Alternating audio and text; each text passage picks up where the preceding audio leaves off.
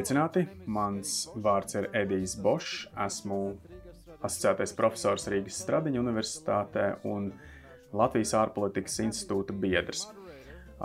Es ļoti priecājos par iespēju būt moderatoram podkāstam, ko ierakstām šodien. Un šodien runāsim par aktuālu un svarīgu tematu par Eiropas Savienības lomu pasaulē. Šo podkāstu ierakstām Rīgas drošības fóruma ietvaros. Šis pasākums, līdzīgi daudz kam citam un visam pārējam, tiek ierakstīts un notiek tiešsaistes vidē, kur atrodos telpā. Esmu vientuļš, bet es ceru, ka visa tehnika strādās un es varēšu runāt ar sev dārgajiem kolēģiem.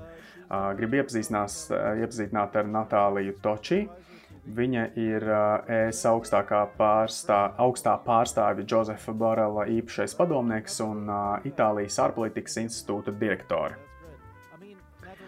Natālija, mēs pirms ilga laika tikāmies Rīgā.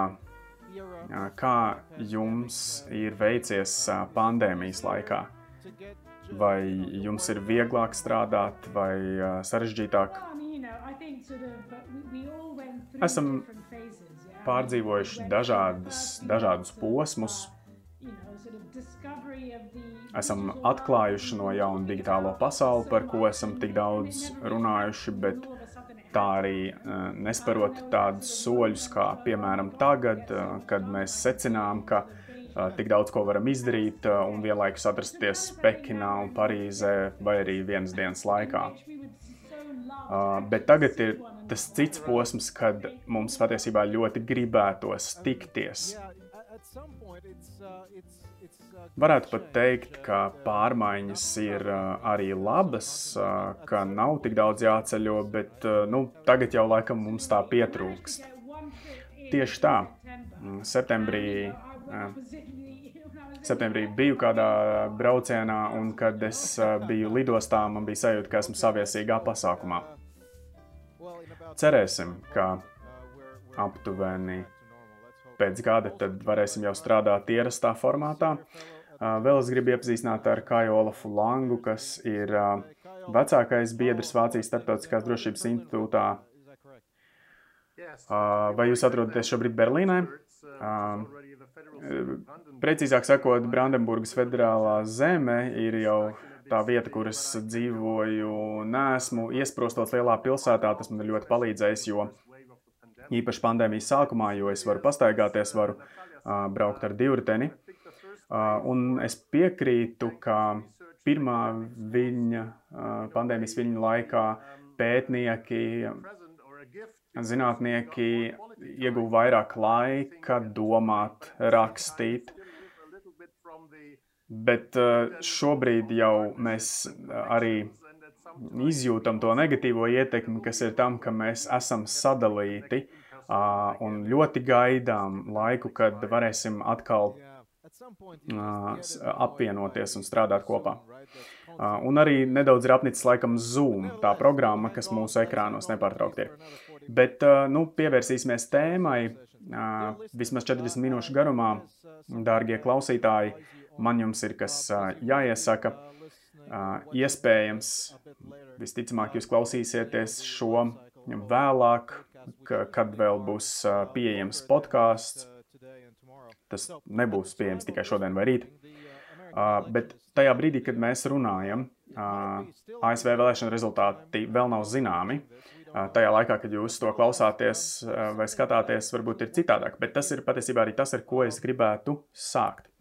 Un Natālija, vērsīšos pie jums. Kā jums šķiet, kas ir uh, galvenais uh, uh, atlikums no uh, šiem uh, četriem Trumpa gadiem uh, ārpolitikas jautājumos?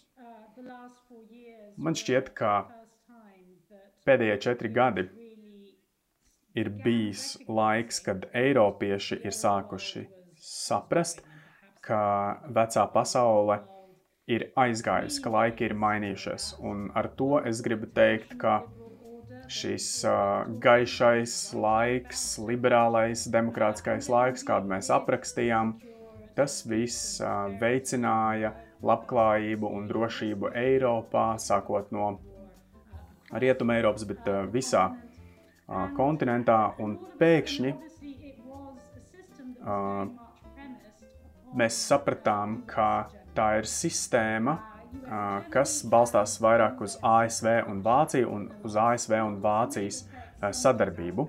Un aizvien, protams, tas ir ļoti svarīgi. Un tieši pēdējo četru gadu laikā, kad, ir, kad strādā Trumpa administrācija, mēs jau iegājām citā nākamajā ērā, kurā mums uh, bija jāsaprot, ka mums ir jāuzņemās lielāka atbildība pašiem. Un tas ir tā kā nav jārīkojas uh, atsevišķi vai pret ASV, bet ir jāsāk ņemt vērā tas, ka mums ir problēmas, mērķi un vērtības, kuras nav mums kopīgas ar ASV. Pirmais bija tāds kā rupšs realitātes pārbaudījums, un es teikšu, ka tas ir bijis pirmo reizi Eiropas Savienības vēsturē, moments, kad, kad uh, Baltānām saimnieks ir paskatījies uz, uz Eiropas Savienību nedaudz kā uz savu ienaidnieku. Uh, iespējams, kā Putins, kā Sidziņpins, uh, varbūt pat vēl sliktāk. Tas ir uh, tiešām tas, ko, kā es uzskatu, kā uh, Trumps ir skatījies uz Eiropas Savienību un tieši uz Angelu Merkeli daudz augstāk nekā, piemēram, uz Putinu.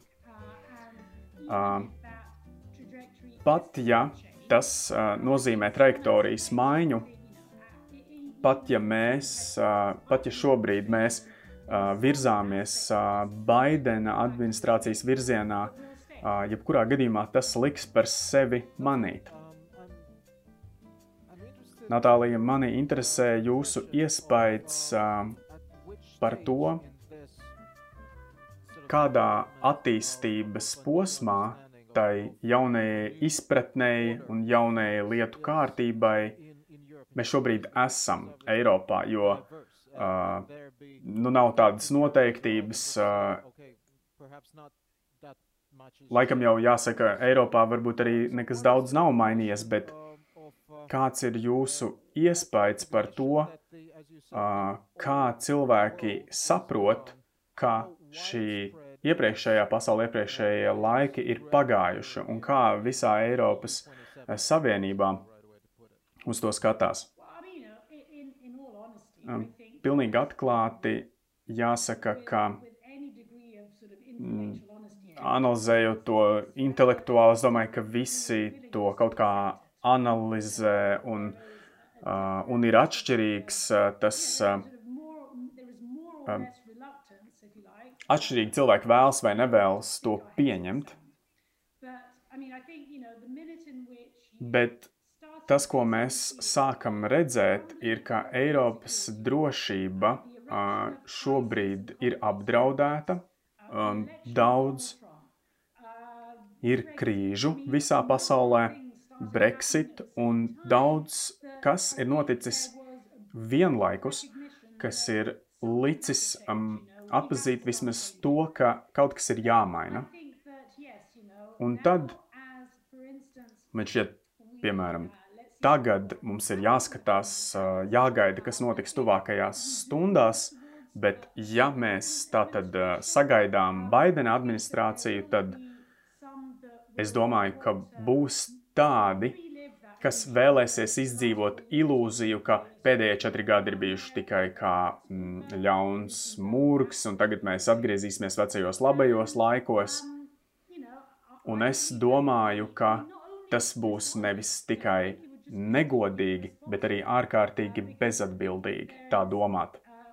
Jo, protams, mēs vēl nezinām, ar ko beigsies ASV vēlēšanas, bet jau tagad mēs zinām noteiktas lietas, un tas, ko mēs zinām, ka pat ja Trumps zaudē vēlēšanās, viņš ir dzīves un vesel, vesels un uh, atrodas ASV. To mēs zinām, tas ir fakts. Pat ja Baidens uzvar vēlēšanās, mēs zinām arī to, ka senāts uh, turpinās būt uh, republikāņu rokās, un cieši. Tas nozīmē, ka šim prezidentam būs uh, mazs manevru diapazons, un uh, kas sastapsies arī ar ļoti daudz iekšējām problēmām. Tas, ko mēs zinām, ka konfrontācija ar Ķīnu uh, turpinās uh, šo pašu kursu, kas uh, šobrīd ir uh, uzņemts, uh, neatkarīgi no tā, kas, kas uzvarēs vēlēšanās. Un patiesībā ir, ir, ir eksperti, kas apgalvo, ka uh, situācija tikai pasliktināsies un vēl vairāk tāpēc, ka Baidens būs pie varas jo Baidens jau ir stāstījis par savām uh, prioritāšu jomām uh, tieši Ķīnas jautājumā, un būs vēl mazāk, uh, vēl mazāk vēlmes uh, vienoties uh, un sadarboties ar autoritāriem režīmiem nekā, piemēram, Trumpa gadījumā. ASV tātad iesaistīsies pat savu problēmu risināšanā, konfrontācijā ar Ķīnu, Es domāju, ka mūs sagaida dziļi polarizēta sabiedrība. Es domāju, ka ASV būs jātiek galā ar arī vēlēšanu sistēmu, kas atklāja dažādas problēmas.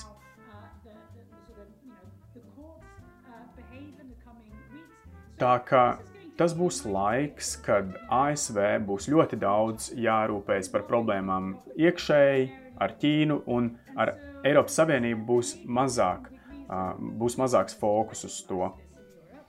Un tas ir tas, kas ir jāsaprot, jo politiski mums tas nav viegli.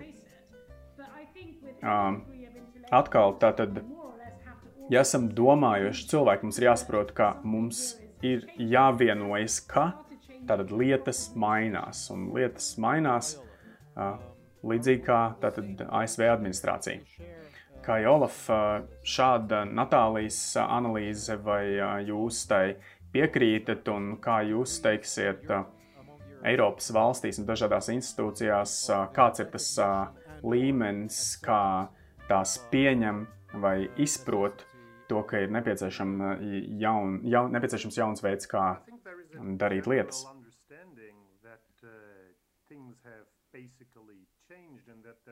Domāju, ka fakts, ka mēs neatgriezīsimies pie bijušās transatlantijas sadarbības laikiem,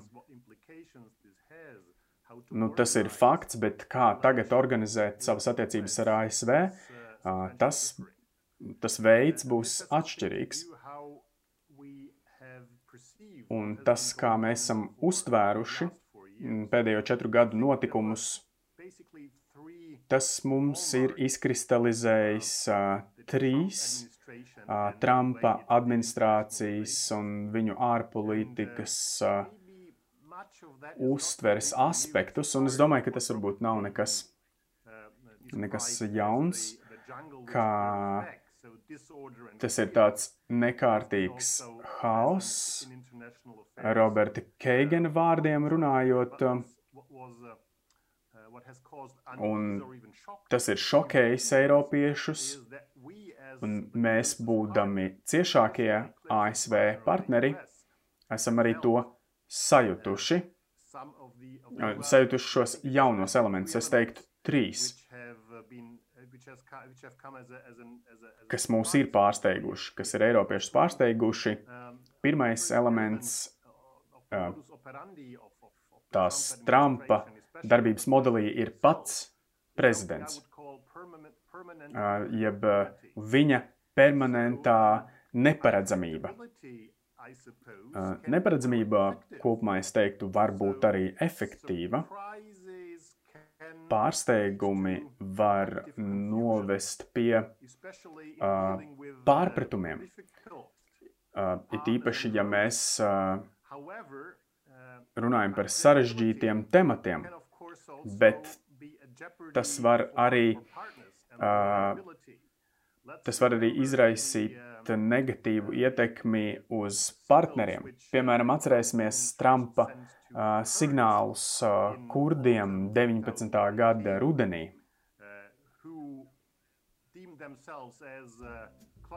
kuri uzskatīja sevi par uh, sabiedrotajiem ASV, bet Trumps savu nostāju mainīja. Un tas bija neparedzami. Uh, noteiktās Eiropas Savienības valstīs tas varēja izraisīt arī lielu šoku, jo, jo tika domāts, kas tad varētu notikt nākotnē sliktākajā scenārijā. Otrais uh, Trumpa-izma, ja tā drīkst teikt, elements ir arī atvirzīšanās no multinacionālisma. Tas nebija laiks, kad tika veicināta, uh, veicināta labklājība un nacionālo interesu stiprināšana, bet, bet drīzāk tas ir jāskatās kā ASV nacionālo interesu ierobežošana. Un te nav runa tikai par apvienotajām nācijām, un, kā Natālija teica, NATO un Eiropas uh, Savienību. Tas ne tikai šīs organizācijas aptvēra, bet tas bija vēl papildu spiediens uz uh, Eiropas Savienības uh, ASV partneriem. Un savukārt trešais ir uh, tas merkantīlisms, kas ir ienācis uh, transatlantiskajās īpašībās, ir īpaši drošības jautājumos, es domāju, ka vispār tam ir pamats un tas ir noderīgi, ja mums ir tāds kā izmaksu modelis un no tā mēs skatāmies, bet, bet šķiet, ka kopumā mēs arī virzījāmies prom no tā, ka mēs investējam starptautiskā ietvarā,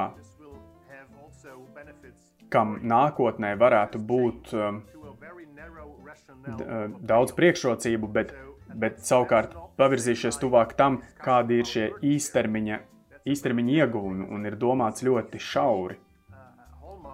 Man šķiet, ka tie ir trīs galvenie elementi, un, protams, ne, ne viss no tā iespējams bija jaunums, bet tas ir visu šo elementu kombinācija un intensitāte, ieskat, uh, ieskaitot uh, šo galveno mūsu darba aspektu as, apstrīdēšanu un vērtību pakļaušanu šaubām, lika mums saprast, ka mēs atšķirīgi saprotam, ko tas nozīmē un ko mums vajadzētu ar to darīt.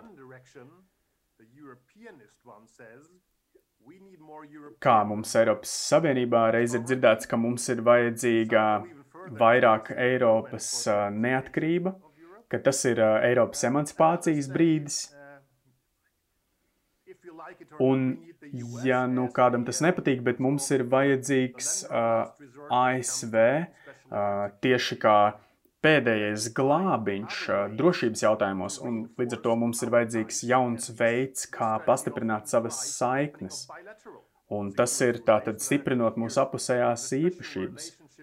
Piemēram, Polijas un ASV īpašās attiecības. Bet savukārt tādas valsts kā Vācija ir kaut kur pa vidu. Tas ir Eiroatlantiskais veids, kā uh, tātad samērot šo abu pušu intereses. Kā Olaf, paldies jums par to, ka arī uzsākāt un pieskārāties tam nākamajam tematam, ko gribu pārunāt, ir tātad ir, mums ir tāda kā atdalīšanās un ko mums ar to darīt.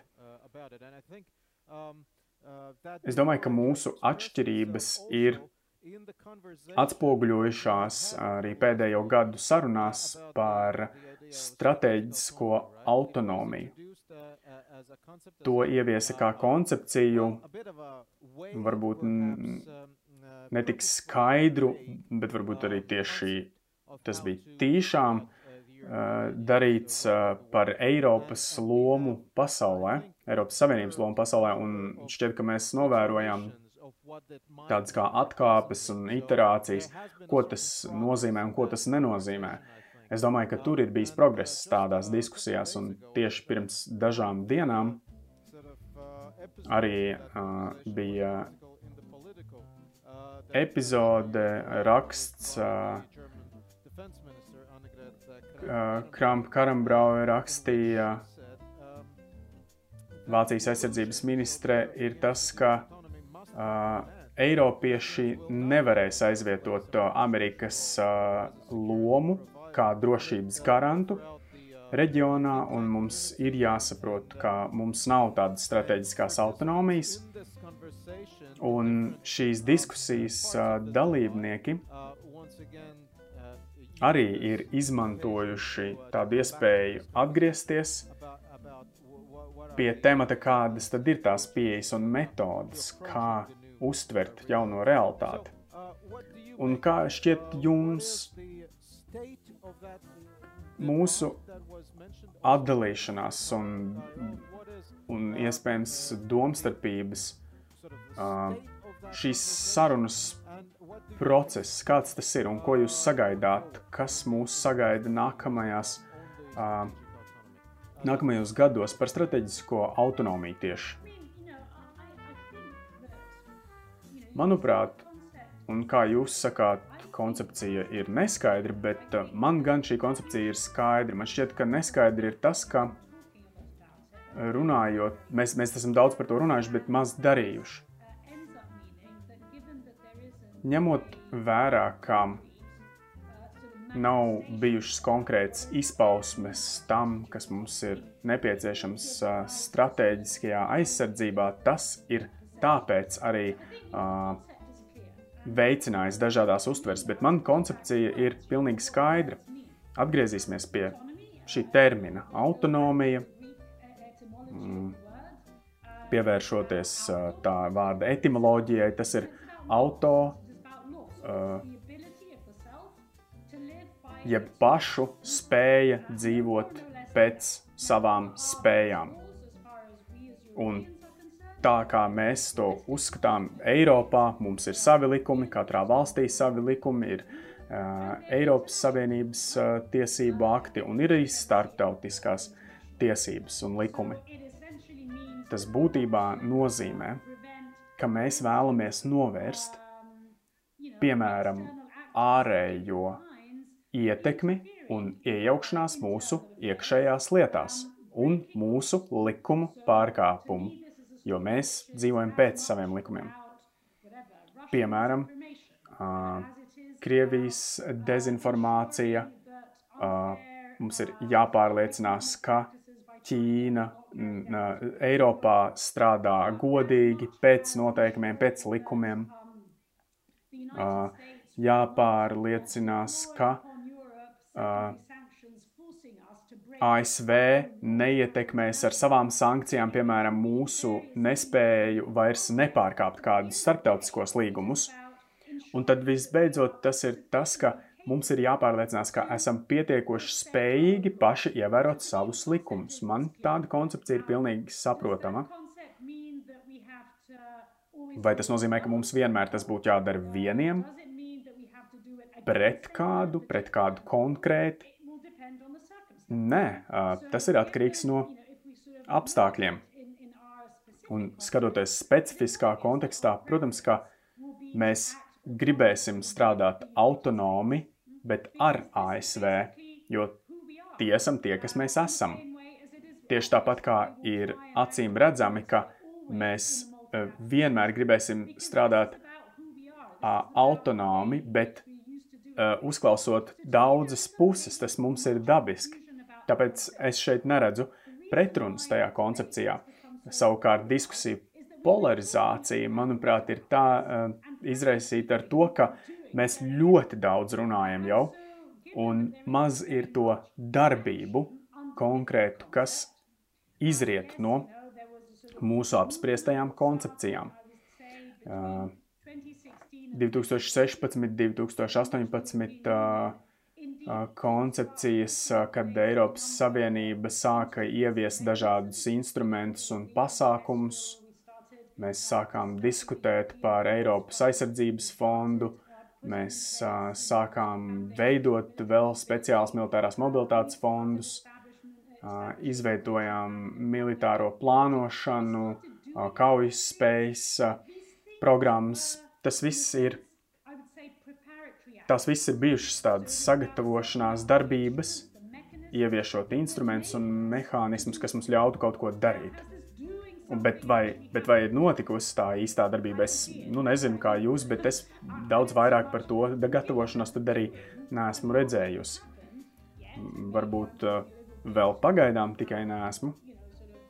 Varbūt arī es uh, skarbi izsakos, varbūt tam vēl ir jādod laiks. Un tomēr man šķiet, ka mēs varējām darīt vairāk, jo esam ārkārtīgi daudz gatavojušies. Krīzes un krīzes jau ir notikušas, un atkal ne, tāda, tur bija nepieciešamas tās darbības, varbūt. Un līdz ar to ir tāda kā nesakritība par to, cik daudz mēs runājam un cik daudz mēs darām. Un tas arī noved pie dažādām interpretācijām. Un es teiktu, ka to sakne nav autonomijas sarunas, bet, bet, bet pirms tām ir notikus, notikušas šādas uh, apspriešanas. Un, piemēram, uh, Francijai vienmēr ir bijusi skaidra izpratne, kas ir Eiropas drošība. Jā, kāda cita puse vēl var teikt, bet tas viss jau ir bijis pirms sarunām par strateģisku autonomiju. Un uh, iemesls, uh, kāpēc mēs tagad esam iemesti tādā situācijā un neizpratnē, ir tāpēc, ka mēs daudz runājam par to, ko mēs īsti domājam ar šo autonomiju. Kā Olaf, nu es pieņemu, ka jūs piekrītat tam, ka nav bijis daudz aktīvu darbību. Un tomēr es gribētu zināt, ko jūs domājat, um, ka vien, viens no iemesliem, kāpēc mēs nesaprotam, kāpēc mēs uh, nesaprotam, ko nozīmē rīkoties autonomi. Ka teorija šajā gadījumā pārvēršas praksē vai praksa pārvēršas teorijā. Kā jums šķiet šajā gadījumā? Tātad šī bezdarbība ir izraisīta no tā, ka mēs nesaprotam. Jo man šķiet, ka Natālija teica tā kā pretējā virzienā, ka mums ir jāsāk darīt lietas kopā, jo mēs visi saprotam, ka tas ir jādara. Tāpēc par to strīdoties mums vajadzētu pavadīt mazāk laika. Kā jums šķiet? Es pateikšu šādi, ka strateģiskajai autonomijai nav tāda kā uh, noslēguma. Uh, es piekrītu vairāk jums, ka strateģiskā uh, autonomija ir uh, neskaidra koncepcija, kaut arī jāpiekrīt, protams, Natālijai.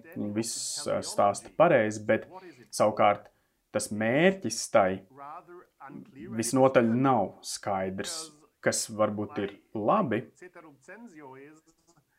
Tāpēc es domāju, atcerēsimies par šo sākotnējo stimulu, par uh, Eiropas uh, drošības, uh, uh, drošības politiku. Tātad tā sākās ar divām valstīm, ar Franciju, ar apvienoto karalisti, un viņām bija atšķirīga uztvere par to, kādai ir jābūt transatlantiskai sabiedrībai un citiem jautājumiem. Jebkurā gadījumā tā nenoslēgtība izraisa to, ka Eiropā ir, mums, mums ir sava šī te, uh, iekļaušanas, iekļaušanas vēlme, ka mums tas ir jāpanāk tikai tādā veidā, uh, thing. Un tātad tā ir viena lieta, bet problēma ar, ar atšķirībām starp ambīcijām un to, ko mēs patiešām darām, um, ka mums ir rīki, bet mums ir tie, kurus mums arī nepatīk pielietot, un tas izskaidro to, um, ka mēs tātad izmantojam tādu terminu uh, psiholoģijā, ka vai mēs ticam, ka mēs gūsim panākumus ar tām spējām, kas mums šobrīd ir. Un es domāju, ka mums ir šaubas. Dažreiz man šķiet, ka tās šaubas ir nepamatotas, bet dažkārt tās tomēr ir attaisnotas. Un Vācijas aizsardzības ministra raksts man šķiet, ka tas viņa nepateica strateģiskajai autonomijai Audi Ardievas, bet viņa pateica Ardievas ilūzijai par to. Tas, ko es mm, novēroju, kas ir šobrīd, bet to arī ir pastiprinājis uh, pandēmija, mans novērojums ir tāds, ka diskusijas par strateģisko autonomiju un neatkarību, ka klasiski runa bija par drošību, bet tagad uh, iespējams mēs daudz vairāk runājam par vēl aktuālākiem aspektiem mūsu ikdienas dzīvē un Eiropas dzīvē. Tas ir piemēram par ekonomiku, par uh, piegāžu ķēžu uh, ievainojamību, digitālās jomas, 5G un mūsu izturību uh, šajās jomās, arī veselības sistēmas. Un te es redzu iespēju, jo līnijas, kas mūs sadala un stagnācijas elementi, mēs zinām, kā atbilstoši drošības aspektu ziņā strateģiskajai autonomijai, tas ir kas atšķirīgs no citām jomām. Es domāju, ka šis ir jauns strateģiskās autonomijas vilnis, un tas mums var pavērt iespējas. Man šķiet, ka jūs arī pacēlāt uh, interesantu tematu, nu, piemēram, par rakstu. Jūsu interpretācija tādējādi ir, ka Vācijas aizsardzības ministre teica, ka atteiksimies no tās ilūzijas daļas sarunā, strateģiskajā autonomijā, vai nevis no pašas koncepcijas, bet man šķiet, ka būt, tas būtu svarīgs precizējums mūsu sarunā. Um, Paldies par komentāriem. Atskatoties uz šo sarunu un uz mūsu sarunām citās vidēs par Eiropas ārpolitiku. Daudzu gadu garumā jau šīs diskusijas ir bijušas līdzīgas. Pamata problēmas aizvien ir nemainīgas un tās ir jādiskutē. Diskusija ir nebeidzama, tā teikt. Bet pie kā es vēl nedaudz gribētu, um, vēl gribētu pieskarties um, 2020. gadam uh, ar visu tā uh, traģiskumu, pandēmiju, uh, drošības jautājumiem Eiropas iekšienē, Eiropas perifērijā. Vienmēr ir viegli kritizēt kādus trūkumus Eiropas uh, Savienības pieejā, piemēram, ārpolitikas. Bet atskatoties tomēr uz 2020. gadu ar visām tā problēmām, kas ir tie notikumi, ko jūs varat uh, tad, pateikt, ka tas tika atrisināts labi ar visiem izaicinājumiem, ar sarežģītajām, nepopulārajām sarunām. Un tomēr, kas ir tas, ko jūs varētu atzīmēt kā pozitīvos aspektus, kā spožos, gaišos punktus, atskatoties uz tiem, kad, kad, kad jūs varat pateikt, tas bija veiksmīgi, vai vispār ir kas tāds? Kā Olaf, vai drīkst jums tad pirmajam jautāt? Es domāju, ka mēs pavisam noteikti atcerēsimies nākotnē Sākotnēji varētu šķist, ka tam ir bijis maz saistības ar uh, ārpolitiku, bet uh, tomēr tam ir bijusi ietekme. Tas ir mūsu spēja Eiropas uh, Savienībā izstrādāt šo milzīgo glābšanas paketi, šo, šo lielo ieroci un rīku, ka mēs tad mums ir atbalsta pasākums un mēs varam sniegt valstīm, kurām ir nepieciešama palīdzība, finansiāla palīdzība arī sniegt. Un visbeidzot arī Eiropā par to bija panākta vienošanās, un tam svarīgākais brīdis bija uh, Franko-Vācijas uh, sarunas un Un, piemēram, Nīderlanda vai citas valstis, kuras parasti nebūtu piekrituši, vai arī vēl nu, svārstījās, nebija tik noteikts, un tomēr mēs visi vienojāmies. Un tieši tā arī strādā Eiropas Savienība, tā, un tā bija uh, spēcīga zīme, kas parādīja, ka Eiropa vēl nav uh, ieslīgusi. Uh, tad, tad vēl turās pie savām vērtībām, un tas bija uh, diskusiju laikā par, um, uh, par, e, par ekonomiku, par Eiropas ekonomiku Vācijā diskusijās. Mēs secinājām, ka Vācija šajā jautājumā bija ļoti konstruktīva un noteikti tas bija spēcīgs signāls, kas parādīja, ka mēs, protams, esam aizņemti paši ar sevi, tieši tāpat kā katra valsts pasaulē. Mm, varbūt arī dēļ krīzes, bet tas mūs neparalizē. Mēs esam bijuši spējīgi risināt ārpolitikas problēmas. Un savukārt, vēl kas bija, ka pandēmijas pašā sākumā, ka Eiropas Savienības solidaritātes uh, problēmas, ka tās izmantos, uh, piemēram, Ķīnas diplomātija, bet tas nematerializējās, ka uh, Tātad ārējie spēki neizmantoja savā labā šo situāciju, un jo Eiropas sabiedrība saprata, no kurienes tad patiesībā nāk atbalsts, un, un kas ir simboliskais atbalsts, un kas ir, uh, kas ir šī simboliskā atbalsta īstais mērķis. Uh, uh.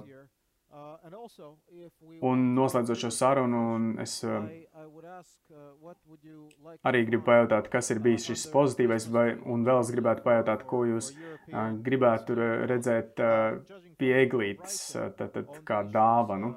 Un es arī redzu, ka vienā no jūsu pēdējām uh, pēdējiem rakstiem, The Political, jūs rakstāt par anonimitātes pārtraukšanu šajās problēmās. Vai jūs tad redzat to, ka tas varētu būt tas, ko jums atnes Ziemassvētku vecītis Natālija? Sākšu ar pirmo jautājumu, ar kā jau šeit piekrīt simtprocentīgi. Man šķiet, ka 2020. gadā Eiropas Savienība sastapās ar dubultu eksistenciālu risku.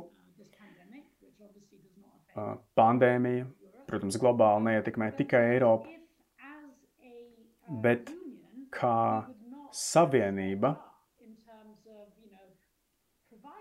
mēs, ja mēs nespētu vienoties par kopīgu atbalstu un nerisinātu šo problēmu kopīgi, tas būtu slikts signāls.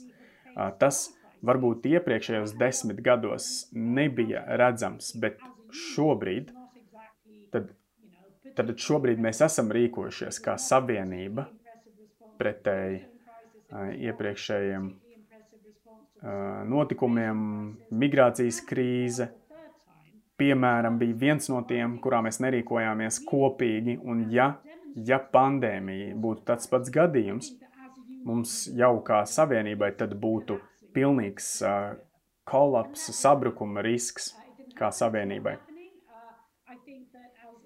Bet tas nav noticis, un, uh, un šeit es nevis nepiekrītu Kai Olafam, bet es gribu vēl pielikt klāt, ka mums ir integrācijas process ieguvis virzību daudz lielāku, un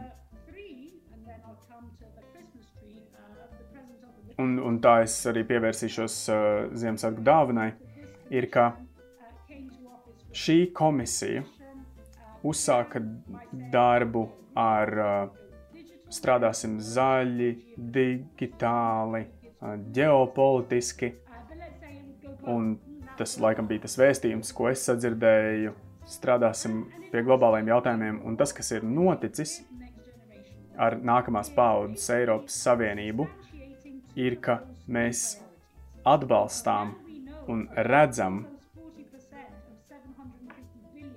eh, redzam arī, ka finansiāli mēs eh, no, no milzīgajām finanšu programmām tad arī tiešām atvēlēsim, piemēram, zaļajai politikai, digitālajai ekonomikai. Tas, ko mēs redzam pandēmijas mēnešos, ir tas, ka globālā prioritāte arī izzūd no publiskajām sarunām. Un tas, protams, ir saprotami. Nenovēršami esam arī mēs koncentrējušies vairāk uh, uz savām iekšējām problēmām, un to pašu iemeslu dēļ mēs esam arī pievērsuši uzmanību debatēji par sociāla-ekonomiskajām norisēm, nevis vairs tik daudz drošībai. Un te es nekritizēšu savienību par to, bet tas ir tāpēc, ka tas bija tāds vēsturisks brīdis. Šobrīd mūsu nedrošības tas aizvien vairāk tikai palielinās. Atbildot uz jautājumu par Ziemassvētku dāvanu, 2020. gada. Um, kaut arī kopumā esmu ļoti optimistiska. Um,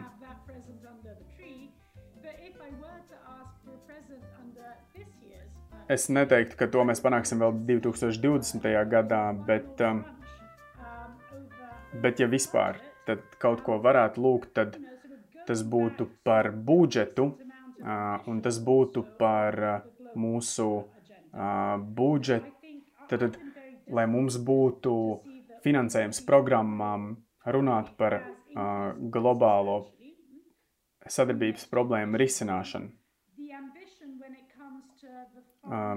Ārpolitika savienībā šobrīd ir samazinājusi savu aktualitāti līdz pusotram gadam atpakaļ, kad mēs runājām ka būs 13,5 miljārdi Eiropas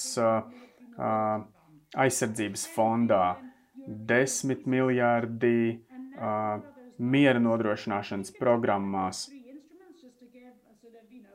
Bet, lai tad mēs saprastu, ka skaitļos 13 miljardi, par ko esam vienojušies, kas ir uh, puse no tā, uh, puse no tā, ko mēs gribējām, kaut arī kopējais finansējuma, kopējais finansējuma apjoms tik un tā ir palielinājies.